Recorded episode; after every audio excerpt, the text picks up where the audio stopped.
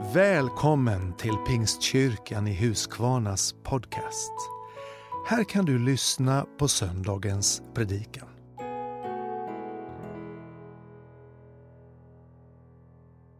Vi är ju veckan efter påsk. Det här är ju första veckan efter påsk. Förra söndagen var det påskdag. Vi är i femte veckan i corona. Ja, det beror lite grann på hur man räknar. Sådär. Eh, men jag tänker att för fem veckor sedan så, så eh, var läget hyfsat normalt och sen så bara har det bara brakat loss. Allting är annorlunda.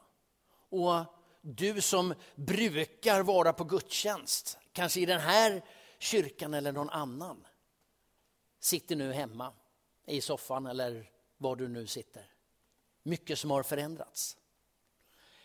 Här finns ju i den här veckan, hela påskhändelsen, den är ju väldigt omtumlande. Det är ju massvis av kaos inbäddat i det här. Alltså, vad var det som hände egentligen? Det gick så fort på något sätt. Och så här en vecka senare så känns ju resan mellan långfredagen och påskdagen som att, vänta nu här. Men man står mitt i det, då är det ju kaos. Och så väcks förundran och jag skulle vilja ta oss med till eh, en text som eh, hjälper oss en bit in i den här förundransfulla kaoset och hur Jesus vandrar tillsammans med oss. Vi läser ifrån Lukas evangeliet, det 24 kapitlet och berättelsen om de två lärjungarna som är på vandring mot den lilla byn Emmaus.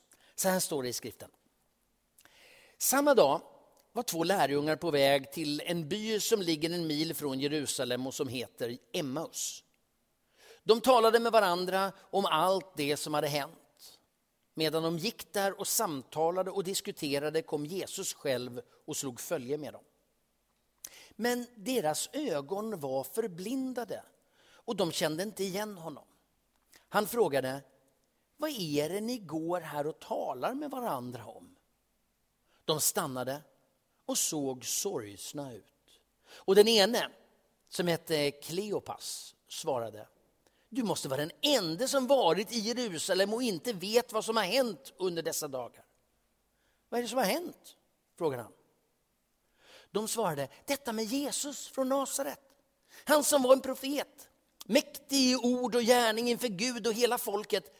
Han blev utlämnad av våra överstepräster och rådsherrar och de fick honom dömd till döden och korsfäst.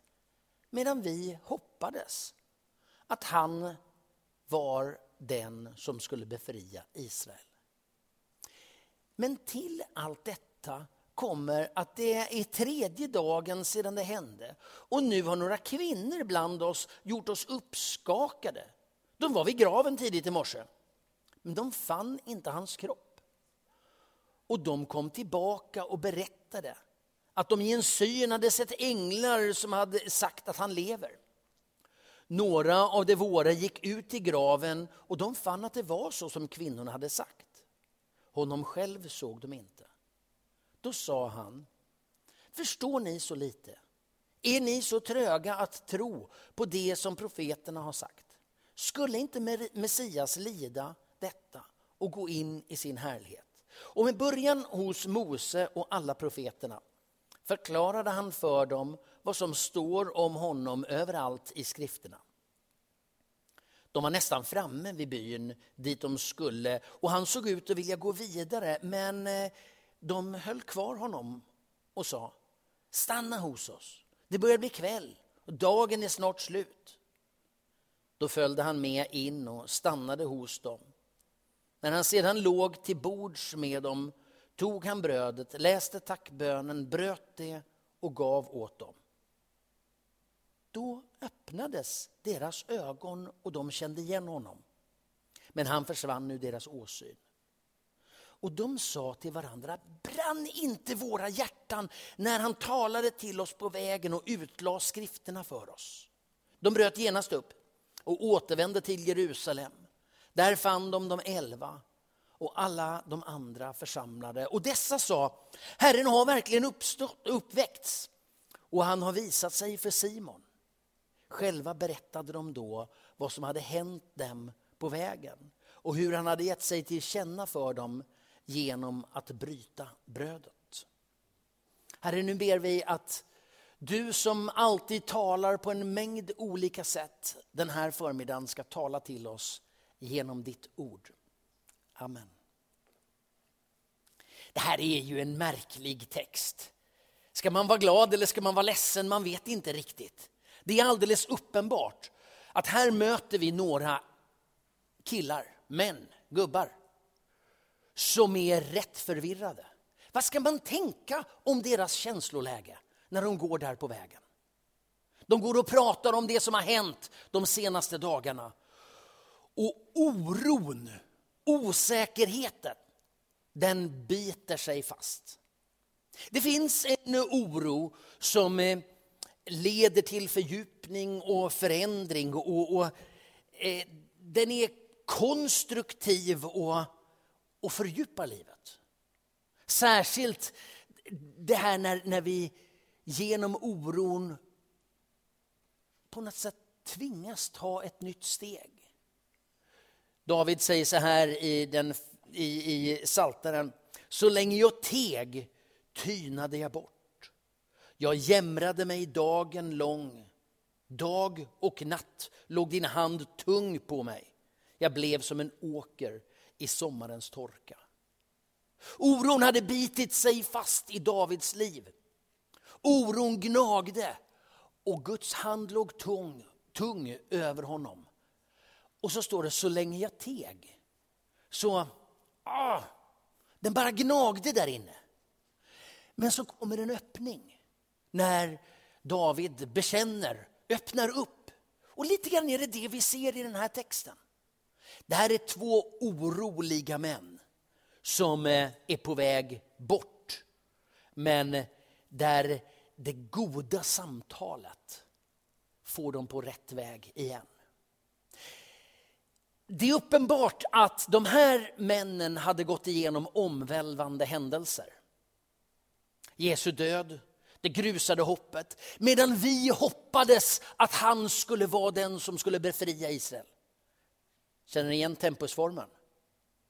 Det är inte någonting som vi fortsätter att hoppas. Vi hoppades.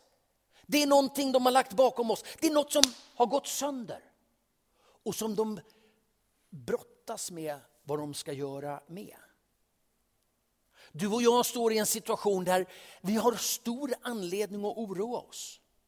Oroa oss över hälsan. Oroa oss över världsläget. Oroa oss över den ekonomiska utvecklingen, över våra jobb. Det finns mängder med saker idag att oroa oss för. Och på en månads tid så har väldigt, väldigt mycket förändrats i vår värld.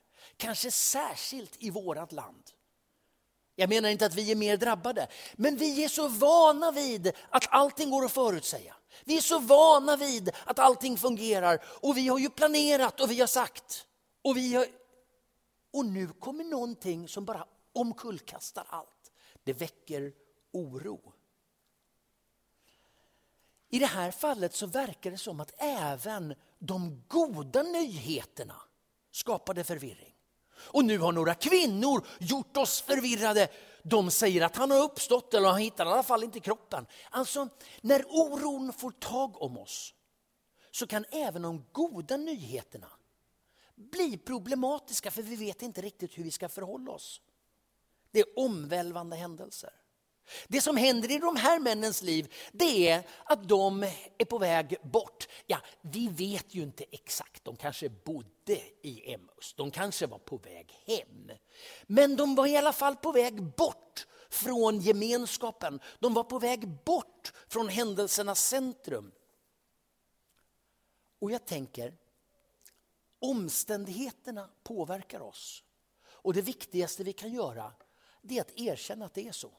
Att låtsas som att ingenting är problem, här händer ingenting, ingenting i omvärlden stör mig. Det är att lura sig själv.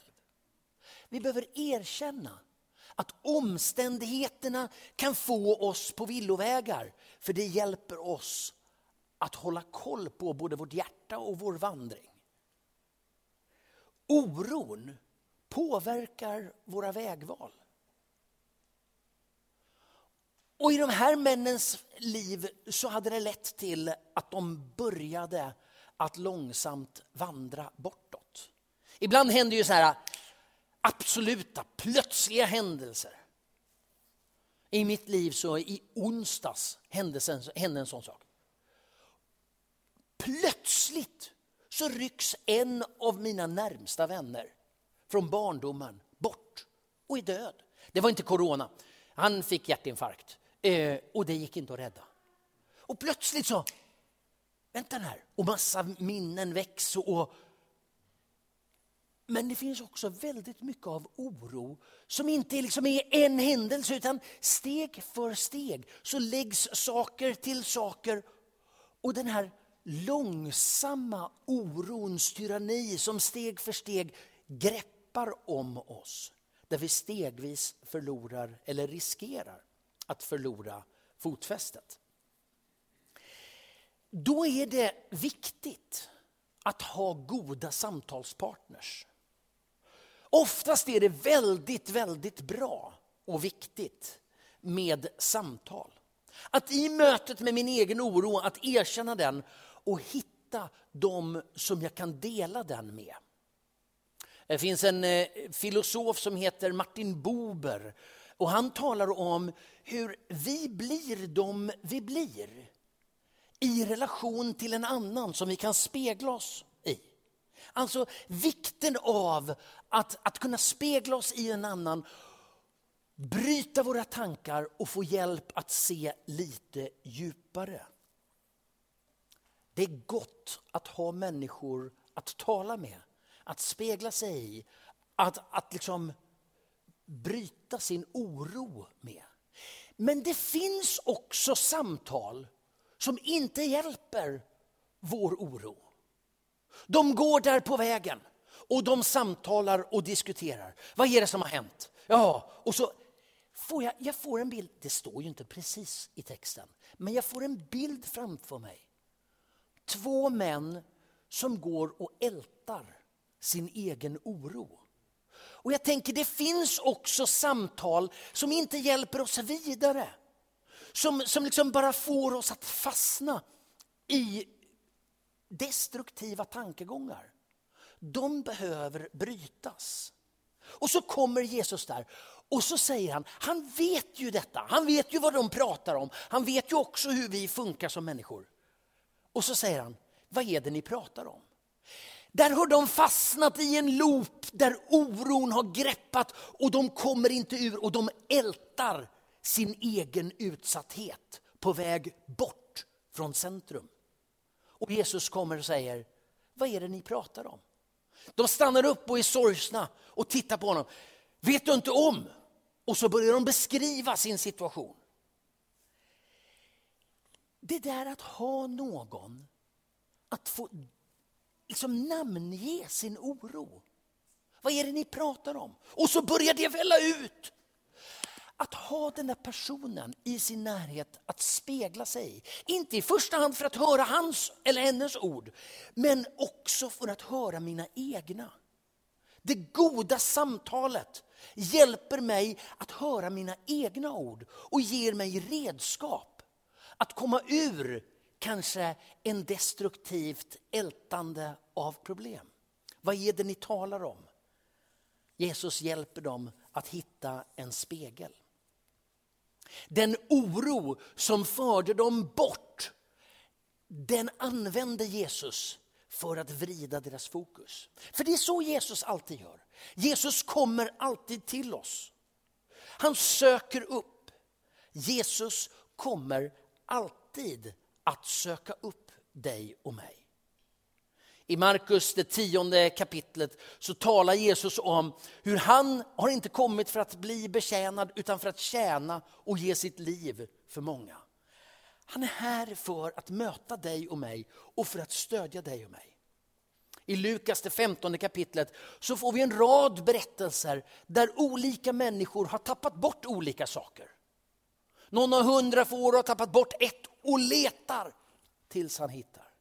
Någon har tio mynt och har tappat bort ett och letar tills han hittar. Någon har två söner. Och han söker och väntar och längtar. Och så berättas det. Det här är ju berättelser, det är liknelser. Om hur Gud alltid väntar på oss, söker efter oss och står där med en öppen famn. Och det finns ingen plats där du kan så att säga, bli osynlig för Gud. Och Det här ska inte förstås som ah, Gud ser dig var du än är. Det är inte det vi talar om. Utan du lever alltid ditt liv inför Guds ögon. Det finns en oerhörd trygghet i detta. Det finns ingen plats där du är osynlig för hans kärleksfulla blick och för hans varma famn. Psalm 139 säger, om jag så tog morgonrodnadens vingar och bäddade för mig ytterst i havet, så skulle du vara där också. Och din högra hand, din starka hand, skulle bära mig också där. Det finns ingen plats där du och jag kan vara, där vi är utanför Guds hand. I koppling till den här berättelsen om uppståndelsen så tycker jag det är slående. I Johannesevangeliet så berättas om hur Jesus kommer till lärjungarna och visar att han är uppstånden. Men Thomas är inte där. Men Jesus gör sig omaket att komma tillbaka. Och vi får bilden i Johannes evangeliet, det 20 kapitlet, att det i väldigt hög grad är för Thomas skull. Han var ju uppstånden och han, han skulle ju visa sig fler gånger. Men här i berättelsen är det som att en av dem hade missat hela innehållet. Och Jesus söker upp, kommer tillbaka och vill lägga till rätta. Jesus är den som söker upp. Men i den här berättelsen i Emmausvandrarna så är det ju inte bara det att han dyker upp och säger kolla jag lever, ni behöver inte vara oroliga och sen är han borta. Nej. Jesus söker upp och sen vandrar han med. På samma sätt som det inte finns någon situation i ditt liv där du är utanför Guds kärlek, utanför hans omsorg och hans blick. Så är det någonting pågående. Gud vill vara i din närhet. Han går med dig. Även in i det mörka. Jag tycker att det är väldigt, väldigt spännande. I berättelsen in mot påsken så läser vi i Matteusevangeliet, det 16 kapitlet, hur Jesus börjar prata om sin förestående död. Han återkommer till det i det 17 kapitlet och pratar om sin, sin förestående död. Och i det 20 kapitlet så tar han upp det för tredje gången. Det är som att han förbereder sina lärjungar under det att de är på vandring mot det som skulle bli deras livs största katastrof och trasighet. Gud, han går med dig och mig. Och ibland är det som att han förbereder oss för saker som kommer. Inte för att ta bort det, men för att ge oss en trygghet i det som vi kommer att möta. Och sen är det ju detta, att han inte bara går där och håller oss i handen. Han fördjupar ju förståelsen. Vad är det ni går och pratar om? Och de beskriver situationen som de står i som är kaosartad och oroande och obegriplig. Och då börjar Jesus att med utgångspunkt från Mose och alla profeterna förklara för dem vad som står om honom i alla skrifterna. Och steg för steg så fördjupas förståelsen.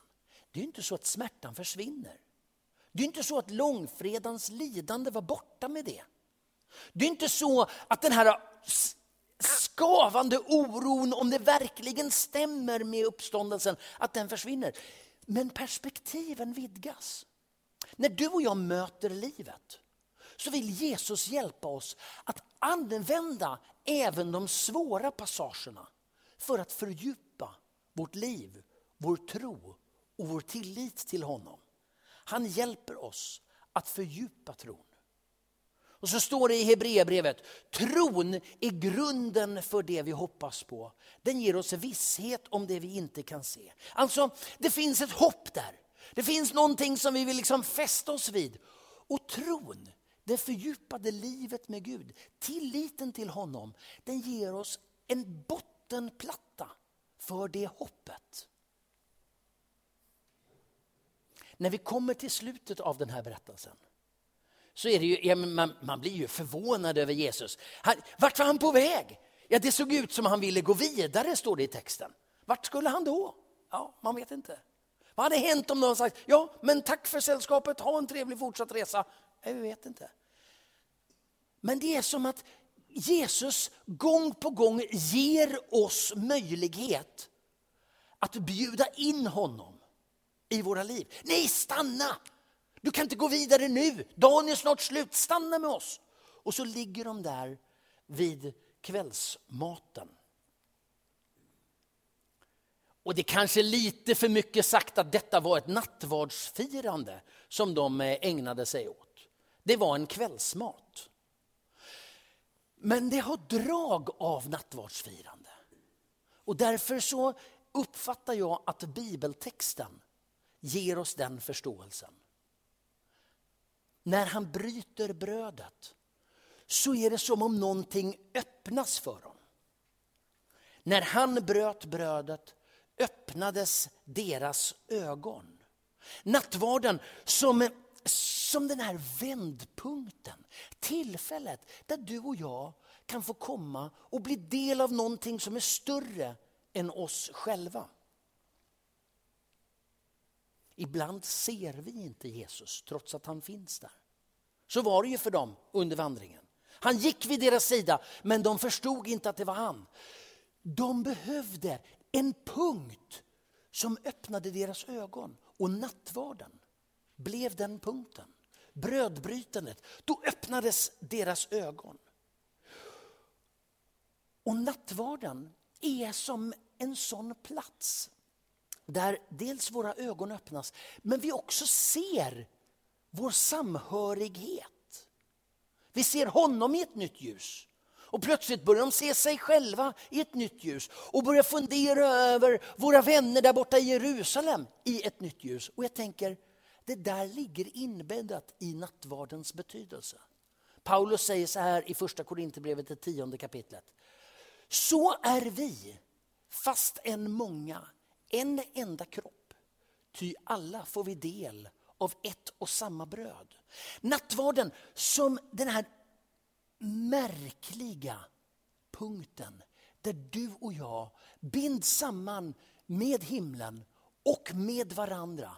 En enhetens och samhörighetens måltid.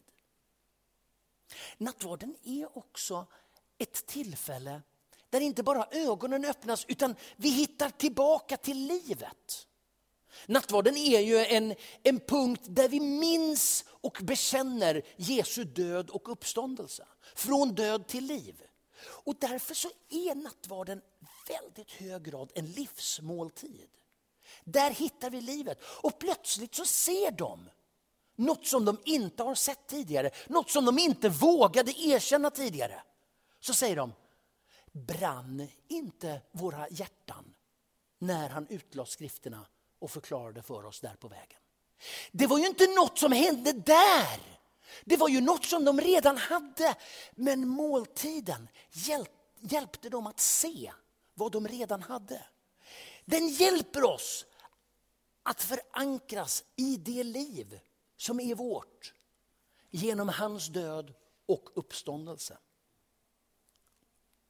Sen, sen läser vi i bibeltexterna om hur nattvarden är förkunnelse. Det står ju så här i första Korinthierbrevet 11. Var gång ni äter det brödet och dricker den bägaren förkunnar ni alltså Herrens död tills dess han kommer. Det där väcker någonting. Den här måltiden är så mättad med innehåll så att den bär i sig en förkunnelse. Så när de har fått upp ögonen för vilka de är och vem han är, när deras hjärtan har, liksom, när de har upptäckt branden i deras hjärtan, ja då kan de inte sitta stilla. Utan omedelbart så vänder de tillbaka till sina vänner i Jerusalem. Och här, här, får man ju inte heller riktigt ihop det. Det verkar som de har varit i vandring hela dagen, men de kanske sprang tillbaka. Jag vet inte. För snabbt gick det tillbaka. Det tog lång tid att ge sig iväg, men det gick fort att komma tillbaka. Och det där är också en sanning.